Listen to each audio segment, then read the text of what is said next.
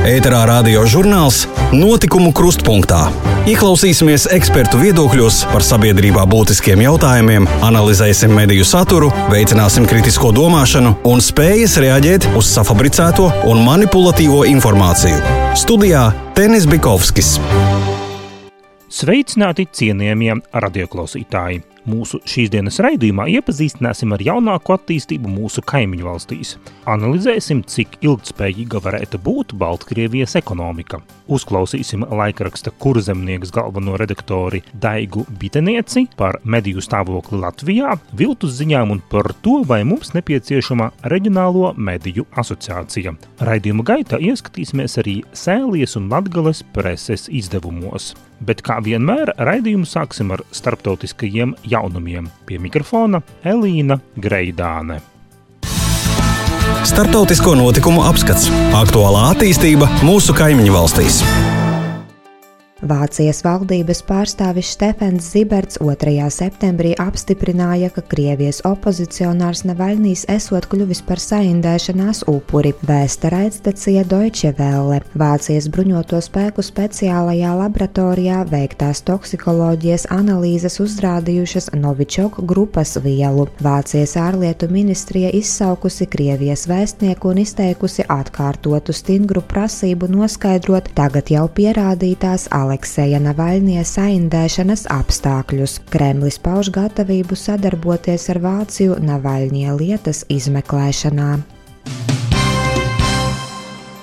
Lietuvas valsts kontrole prognozē, ka valsts parāds līdz šā gada beigām pieaugs līdz 49,8% no iekšzemes koprodukta. Valsts kontrole neizslēdz, ka situācija otrā Covid-19 viļņa gadījumā varētu strauji pasliktināties, un tuvāko gadu laikā valsts parāds varētu pieaugt līdz pat 60% no valsts iekšzemes koprodukta. Aleksandrs Lukašenko reaģējot uz dažu valstu noteiktajām un Eiropas Savienības plānotajām sankcijām pret Baltkrievijas amatpersonām, šonadēļ paziņoja, ka Minskas spērs atbildes soļus un novirzīs savas kravas no Lietuvas ostām. Latvija koordinēti ar Lietuvu un Igauniju pirmdien noteica iebraukšanas aizliegumu 30 Baltkrievijas amatpersonām, tostarp Baltkrievijas prezidentam Aleksandram Lukašenko. Portāls Finans.ru informē, ka uz notiekošo protestu fona Baltkrievijas rubļa vērtība attiecībā pret dolāru kritusies par 9%, bet kopš šā gada sākuma par 25%. Attiecībā pret eiro Baltkrievijas rublis kopš gada sākuma ir zaudējis 34% vērtības. Portāls Finans.ru arī informē, ka Baltkrievijas komercbankas ir apturējušas kredītu izsniegšanu valsts iedzīvotājiem iedzīvotājiem. Radio Brīvā Eiropa informē, ka Krievijā Covid-19 pandēmijas laikā pieckārtīgi pieaudzis oficiālo bezdarbnieku skaits. Šā gada martā oficiāli reģistrēto bezdarbnieku skaits bija 727 tūkstoši, bet šobrīd reģistrēti 3,6 miljoni. Portāls izvēstīja atsaucoties uz auditoru kompānijas Finekspertiza datiem, vēsta, ka pusgada laikā Krievijas iedzīvotāju ikdienas patēriņi samazinājušies par vidēji 11,5 tūkstoši rubļiem, kas ir zemākais rādītājs pēdējo 13 gadu laikā. Visbūtiskāk izdevumus esot samazinājuši Maskavas un Jakutijas iedzīvotāji - pusgada laikā vidēji par 41 tūkstoti rubļu. Aiz Maskavas seko Jakutijas iedzīvotāji. Visvairāk Krievijas iedzīvotāji esot ekonomējuši tēriņus uz ceļojumiem, restorāniem un apģērbu iegādi. Finanšu informācijas portāls Ekonomija un dzīve atsaucoties uz celtniecības organizāciju reitinga kompānijas analītisko pētījumu pārvaldes datiem, informē, ka 2020. gada pirmajā pusgadā Krievijā ir bankrotējušas 73 celtniecības kompānijas. Pēc analītiķu prognozēm līdz šā gada beigām bankrotēs vēl 180 līdz 200 celtniecības uzņēmumu. Lietuvas skolās ir aptuveni 700 brīvas skolotāju vietas. Atbildīgajā ministrijā prognozē, ka nākotnē situācija varētu vēl pasliktināties, sevišķi dabas zinātņu mācību priekšmetos, vēsta Lietuvas sabiedriskais medijs LRT. Tāpat tiek informēts, ka Lietuvā, kur jaunā koronavīrusa izplatība šobrīd ir straujākā Baltijā, valdība iecerējusi aptuveni 70% skolotāju veikt Covid-19 analīzes. Ziņu aģentūra BNN atsaucoties uz Igaunijas raidorganizāciju ERR informē, ka, lai ierobežotu atkārtotu Covid-19 izplatību, atsevišķās Igaunijas daļās spēkā ir aizliegums vēlu vakarā tirgot alkoholu bāros un kafejnīcās. Igaunijas valdība lēmusi, ka pagaidām aizliegums netiks attiecināms uz visu valsti. Ēterā radio žurnāls Notikumu krustpunktā. Tik tālu notikuma attīstība mūsu kaimiņu valstīs, bet tagad par to, ko raksta Latvijas un Sēlijas preses izdevumi un internetu portāli. Latvijas preses apskats. Ko lasām, par ko diskutējam? Portāls Daugopils ziņas.lv informē, ka no 5. līdz 13. septembrim notiks zemesardzes taktiskās mācības Zobens 2020. Mācības notiks Rēzeknē, Daugopilī, kā arī Rēzeknes, Ludzas, Preļu, Dagdas, Aglonas, Daugopils, Aizkrauklas, Jēkabils, Salas, Krustpils un Aknīstes novados. Militārajās mācībās piedalīsies vairāk nekā 1300 Latvijas zemesargi, kā arī sadarbības partneri no Lietuvas.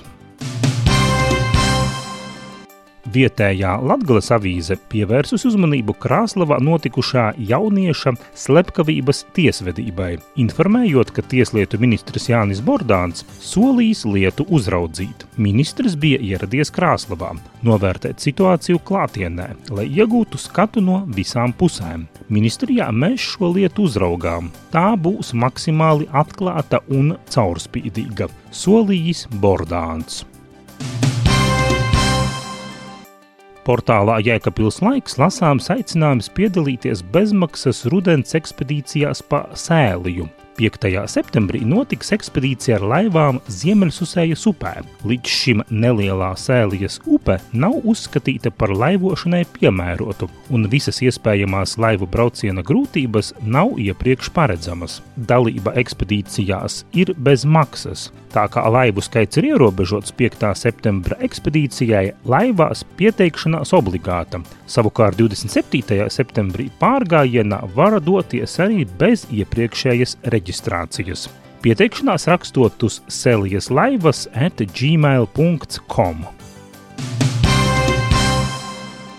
Laikraksts Brīvā Daugava vēsta, ka uz Jēkabpils kultūras pārvaldes vadītāja vakanci pieteikušies vien seši pretendenti, piebilstot, ka uz multihalles klientu apkalpošanas speciālista amatu pieteikušies 150 pretendentu. Portāls latviešu valodā lakuga.lv informē, ka Latvijas Nacionālais kultūras centrs izdevis grāmatu Dienvidlatgale austās segas, kuras autore ir mākslas vēsturniece Daina Kraukle. Grāmatas atvēršanas svētki notiks 2020. gada 5. septembrī 12. Latvijas etnogrāfiskajā brīvdabas muzejā Rīgā. Bet laikraksta Rēzeknes vēstīs 28. augusta numurā lasāms redaktores Māras Nizinskas komentārs pagaršot demokrātijas augļus, kurā redaktore Māra Nezinska visai ironiski izsakās par notikumiem Baltkrievijā, tos apzīmējot par Sorosa revolūciju, gaužas par Latvijas cukura ražošanas iznīcināšanu un jūsmo par Lukašenko kā labu saimnieku. Ēterā radio žurnāls Notikumu krustpunktā. Mēs zinām, ka Baltkrievija ir valsts, kurā ekonomika būvēta uz lieliem valsts uzņēmumiem - mašīnu būves, naftas ķimikāliju un naftas pārstrādes uzņēmumiem. Tiek uzturēti kolhozi, kas tagad saucas par ražošanas kooperatīviem. Visa zeme Baltkrievijā pieder valstī. Iegādāties zemi privātīpašumā nav iespējams.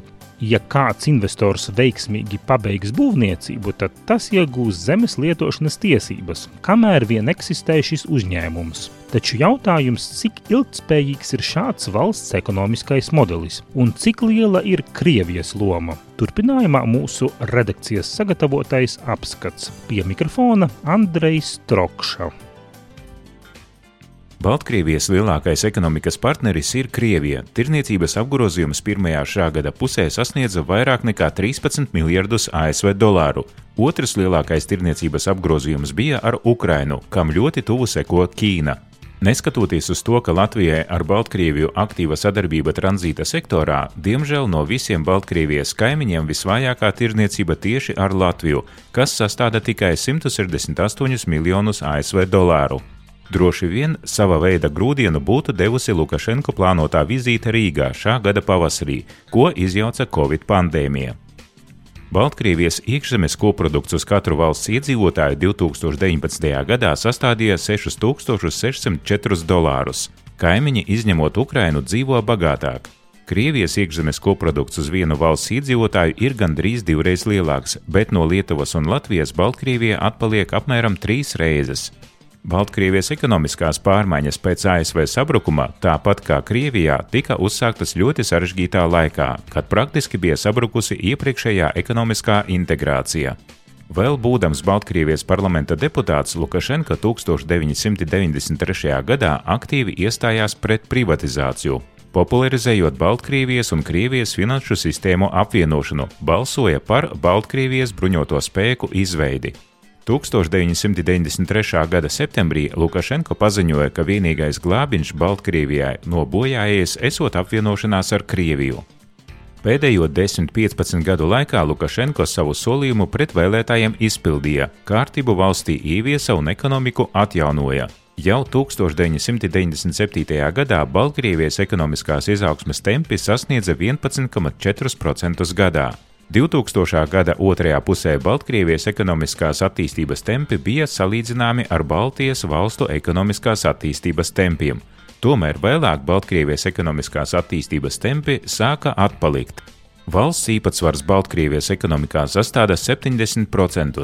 Pēc ekspertu aplēsēm līdzīga situācija ir arī Krievijā. Valsts uzņēmumu sektors Baltkrievijā ir ļoti neefektīvs. 58% valsts uzņēmumu rentabilitāte nepārsniedz 5%, bet tirzniecības un transporta sektoros tādu uzņēmumu ir no 72 līdz 82%.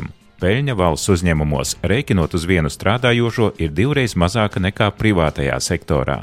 Pēc startautiskās bankas datiem kopējais nodokļu sloks biznesam sasniedz 53,3%. Kopējais mazrentablo uzņēmumu īpatsvars Baltkrievijas ekonomikā kopš 2012. gada pārsniedz 50%. Tajā pašā laikā Baltkrievijā strauji attīstījās informācija tehnoloģiju jeb IT nozare, kuras īpatsvars ir sasniedzis 6,5% no valsts iekšzemes koprodukta. IT nozarē strādā apmēram 60 tūkstoši cilvēku, taču pēdējā gada laikā daudzi uzņēmumi plāno par savu biroju pārcelšanu uz ārvalstīm. Kopumā diferencēt Baltkrievijas ekonomiku Lukašenko nav izdevies. Tāpat kā pirms 25 gadiem, Baltkrievijas ekonomika ir atkarīga no Krievijas naftas un gāzes. Tāpēc Baltkrievijas elitei ir ļoti svarīgas labas attiecības ar Krieviju, Pēc Startautiskā valūtas fonda datiem Krievijas enerģētiskās subsīdijas Baltkrievijas ekonomikā atsevišķos gados sastādīja pat līdz 25% no valsts iekšzemes koprodukta, bet pašreiz sastāda apmēram 15% no 60 miljardiem dolāru iekšzemes koprodukta. Ar Krievijas dotācijām kaimiņu valsts ekonomikā jāsaprot galvenokārt lētās Krievijas naftas imports, tās pārstrāde Baltkrievijas naftas pārstrādes rūpnīcās un pārstrādāto naftas produktu eksports par tirgus cenām. Portāls Finans.ru informē, ka šā gada augustā Krievijas naftas piegādes Baltkrievijas naftas pārstrādes rūpnīcām ir samazinājušās par 38%. Baltkrievija joprojām meklē alternatīvas naftas piegāžu avotus ASV, Norvēģijā, apvienoto Arābu Emirātos, Azerbaidžānā un Kazahstānā. Vācijas ārējās tirniecības aģentūras Germany Trade and Invest korespondents Fabians Nemits intervijā raidsacijai Deutsche Welle norādīja, ka Baltkrievija sāk zaudēt konkurētspēju un Baltkrievijas preču noiets Eiropas tirgū krītas. Situācija valsts lielajos uzņēmumos pasliktinās un ir nepieciešama ekonomikas liberalizācija. Baltkrievijas ekonomisko pētījumu centrs Bērok eksperti norāda, ka dotējot valsts uzņēmumus, valdība tikai pasliktina uzņēmumu finanšu stāvokli, bet disproporciju starp saražoto preču apjomiem un noietu nāksies korrigēt, samazinot ražošanas jaudas. Baltkrievijas rublis attiecībā pret dolāru kopš gada sākuma ir krities par 26%. Valsts iedzīvotāji, baidoties no straujas rubja devalvācijas, masveidā iepērk valūtu. Pēc Baltkrievijas centrālās bankas datiem laika posmā no janvāra līdz jūlijam Baltkrievijas iedzīvotāji iegādājās 874 miljonus ASV dolāru, savukārt uzņēmumi 746 miljonus dolāru. Kā pašreizējā situācija Baltkrievijā ietekmēs turpmākos politiskos un ekonomiskos procesus, pagaidām pāragri prognozēt. Nav arī jāšaubās par to, ka Kremlis ir saulēcīgi sagatavojies dažādiem notikumu attīstības scenārijiem. Zīmīgi tas, ka sprukās nonākušais Lukašenko pats publiski deklarē, ka Baltkrievija un Krievija ir kopīga tēvzeme no Brestas līdz Vladivostokai. Savukārt Putins kopš konflikta sākuma ar Ukrainu propagandē to, ka Krievus, Ukraiņus un Baltkrievus uzskatot par vienu tautu, Atliek tikai piebilst, ka Kremļa scenārijos noteikti ir paredzēti pasākumi, kuru mērķis ir aizsargāt Krievijas investīcijas Baltkrievijā. Jāņem vērā arī tas apstākļus, ka 15% no Krievijas bruņojuma programmas valsts pasūtījuma tiek realizēts Baltkrievijas valsts lielajos uzņēmumos. Lukašenko režīma ekonomiskā atkarība no Krievijas ir spēcīga svira, kas ļauj Kremlim pieprasīt no Lukašenko īpašu lojalitāti. Krītot Lukašenko režīmam vai arī uzsākot ekonomikas liberalizāciju, jādomā, ka Kremļa interešu lokā noteikti ir arī Baltkrievijas strateģisko uzņēmumu privatizācijas projekts, it īpaši to, kuros pēdējo desmit gadu laikā ir veiktas būtiskas investīcijas un modernizācija. Ēterā radio žurnāls Notikumu krustpunktā.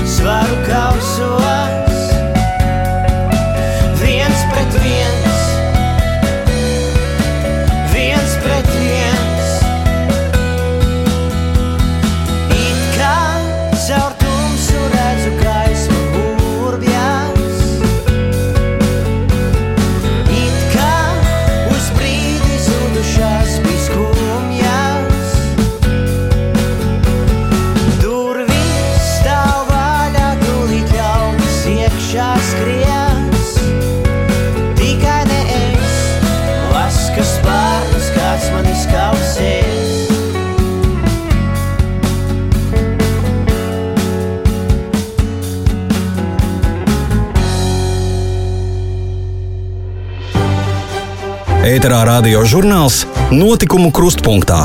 Ieklausīsimies ekspertu viedokļos par sabiedrībā būtiskiem jautājumiem, analizēsim mediju saturu, veicināsim kritisko domāšanu un spējas reaģēt uz safabricēto un manipulatīvo informāciju.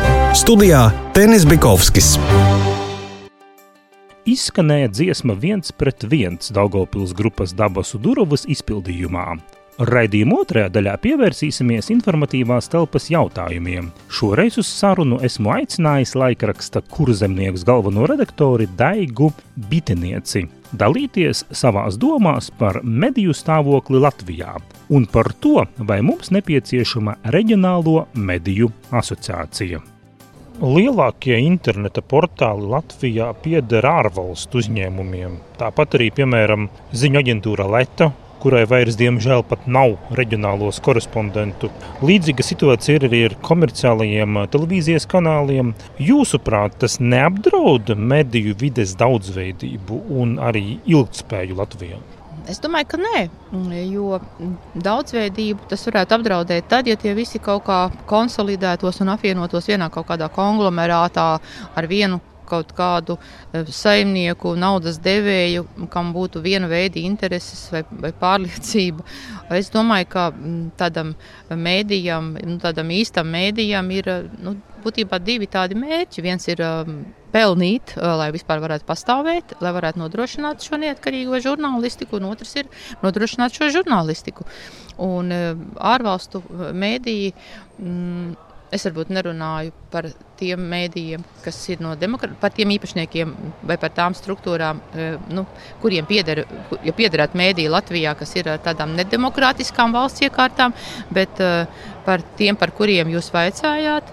Mm, cik nu, tā informācija man ir pieejama un, un, un cik, cik, cik tas tā tiešām ir patiesība, tad tās ir valstis, kas ir demokrātiskas valstis un, un šie, šie biznesi, kas uztur, kam pieder šie mēdīji.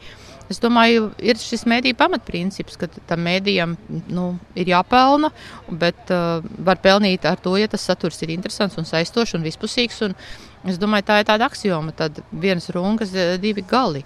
Un katrs pats par sevi, ja viņi nepieder vienam īpašniekam, es domāju, ka tas to daudzveidību neapdraud.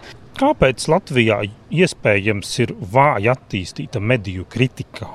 Kādi varētu būt eh, tie galvenie iemesli? Tā žurnālistu sunfte vienu otru vienkārši pazīst un negrib viens otru kritizēt, vai tomēr mm, iespējams kritiķu trūkums?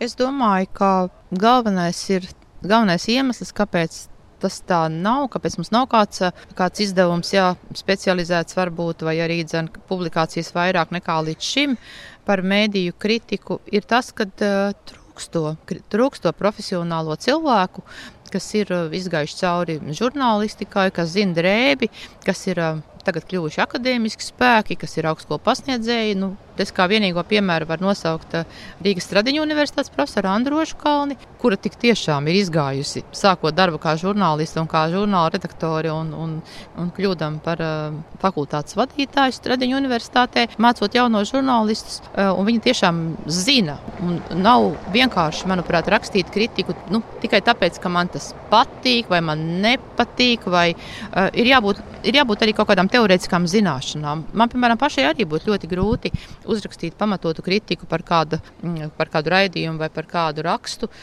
Es tiešām varbūt vairāk varētu uzrakstīt, nu, varbūt jā, kā tas raksturs ir veidots un, un kas man tur uzrunāja vai kas neuzrunāja, bet pamatot to ar kādiem pētījumiem vai ar kādiem salīdzinājumiem un ar citu valstu pieredzi.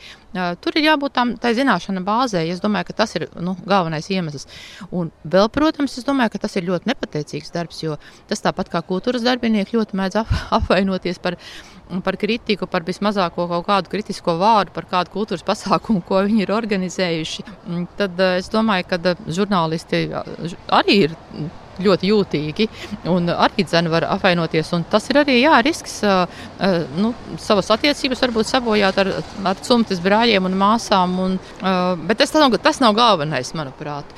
Un vēl es domāju, ka kritiķis, tāpat kā teātris kritiķis, ir teātris zinātnieki, ir teātris kritiķi. Ir, teātris mākslinieki un ir aktieri, kas spēlē teātrī. Šīs profesijas ļoti dažādas ir. Un tā ir vesela tāda nozare būt kritiķim kādā nozarē. Un mums jau tādus arī negatavo, kur viņi tādi radīsies. Arī. Runājot par um, ietekmi uz medijiem. Cik lielā mērā jūsuprāt uz Latvijas sabiedrību jūtams ārvalstu mediju, konkrēti Krievijas iespējas, un uh, vai mēs nepārspīlējam ar to iedzīvotāju nespēju atšķirt propagandu no objektīvas informācijas, spēju atšķirt viltus ziņas? Tieši par tādu Krievijas ietekmi uz tādu profesionālu žurnālistiku. Es domāju, ka man nav nekādas tādas, tādas informācijas, ka tā kaut kādā veidā ietekmētu to saturu attiecībā uz sociālajiem mēdījiem. Nu, tur tiešām notiek zili brīnumi, un tur tiešām tu nevari īsti saprast, kas ir patiesība un kas nav patiesība. Ir jābūt gan vērīgam, gan zinošam.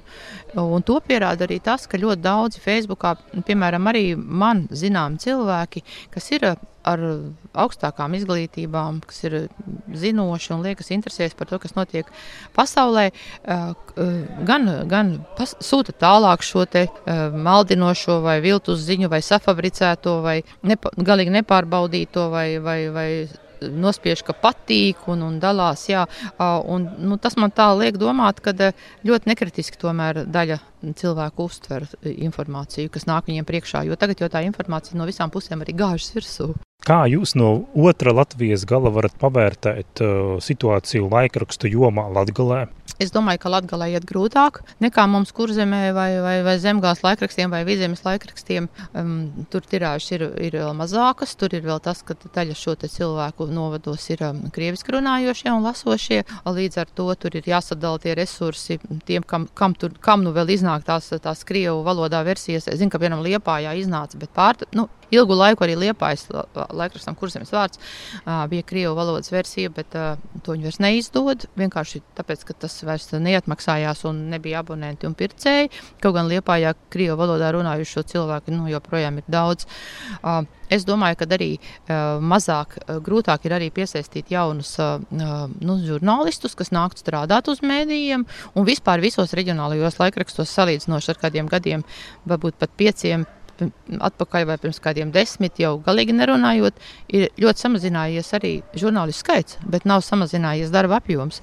Un, un visiem ir jāstrādā principā vairāk un sūrāk nekā vēl pirms kādiem gadiem. Tā, tā, nu, tā situācija tāda ir. Latvijā ļoti, ļoti daudzi laikraksti pārpublicē vienkārši preses relīzes, un oriģināla satura ir ļoti maz. Kā jūsu pusē, kā kurzemes pusē? Jā. Mums tā galīgi nenotiek. Es domāju, ka tas ir arī resursu jautājums, kad vienkārši nespēja redakcija nodrošināt oriģinālu materiālu saraž, saražošanu, jo, nu, kā mēs zinām, pats dārgākais ir uztaisīt, savākt, uztaisīt ziņu, uzrakstīt, jo ziņas vajag daudz, un avīzes ziņas ļoti ātri apēd, un, un arī vajag mājaslapām un portāliem. Es domāju, ka viens ir tas, ka vienkārši nav kas to darbu dara, un arī tad, ja būtu kas dara, nu, nav vienkārši spējīgas izdevniecības sam samaksāt par to darbu. Es domāju, ka tur ir abi šie aspekti. Un, un Protams, tas ir ļoti slikti. Tas ir tāds apgūtais lokus. Jo vairāk laikraksts publicēs dažādas preses paziņojumus un nekritiski vienkārši atsūtītos kaut kādus materiālus, nu, lasītājs arī dzēna vienkārši tas, kas vēl nav atbiris, atbiris arī tas, jo viņam jau to nevajag. Viņš to izlasa kaut kur citur, vai arī tas nav interesanti. Un tur nav ieguldīts nekā žurnālists darbs, nav nekāda pievienotā vērtība. Nu, kāpēc lai es tērētu laiku to lasīt, un kāpēc lai es arī to abonētu un tērētu savu naudu? Tā, es domāju, ka tas ir, nu, jā, tas ir tāds apgūtais lokus, no kura būtu jātiek ārā.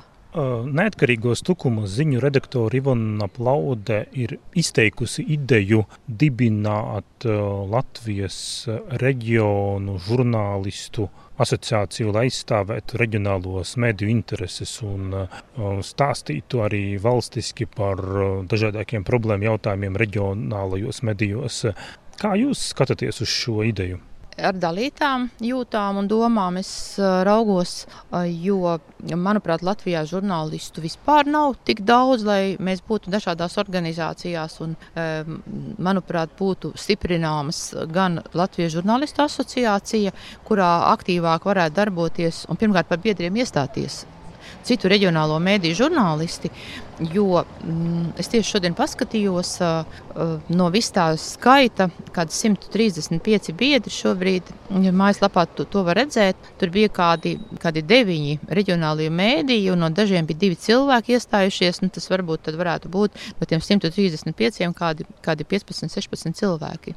Es domāju, ka jāstiprina šī organizācija. Un runājot par presi, jo es tiešām vairāk orientējos presē, es mazāk orientējos reģionālajās televīzijās un reģionālajās radiostacijās.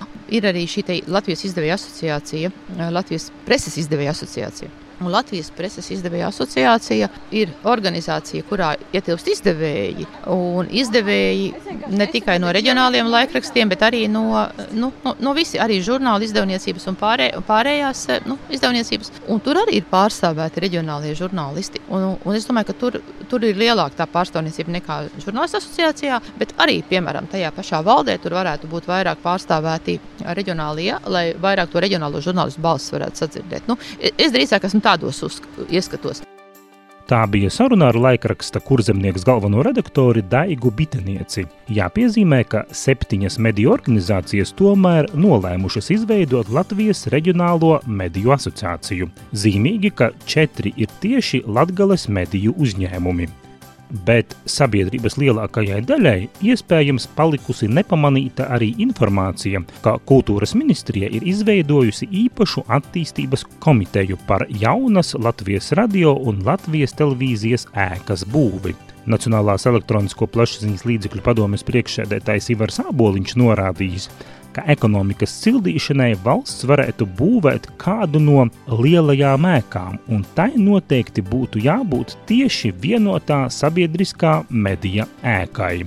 Ļoti optimistiskā scenārijā sabiedrisko mediju jaunās ēkas celtniecība varētu prasīt trīs gadus. Jāpiebilst, ka gan Zaķusalas televīzijas ēka, gan Latvijas radio vajadzībām nepiemērotā ēka Doma laukumā ir tehniski novecojušas, un to remonts prasītu ļoti ievērojamus līdzekļus. Savukārt šo trešdienu ministru prezidents Krišānis Kariņš paziņoja, ka Latvijas televīzija, Latvijas radio un portāls LSM.CLV nākamgad izies no reklāmas tirgus. Finanšu ministrs Jānis Reirs informēja, ka valdība atbalstījusi Nacionālās elektronisko plašsaziņas līdzekļu padomes budžeta pieprasījumu 8,9 miljonu eiro apmērā, no kuriem 8,3 miljoni eiro tiks novirzīti sabiedrisko mediju iziešanai no reklāmas tirgus. Ēterā radio žurnāls Notikumu krustpunktā. Mūsu raidījums izskan. Visu labu jums klausītājiem novēlu es, Tenis Bikovskis. Uz sadzirdēšanos jau nākošais nedēļa. Projektu finansē Mediju atbalsta fonds no Latvijas valsts budžeta līdzekļiem. Par raidījumu saturu atbild projekta īstenotājs Divu Krastu Radio.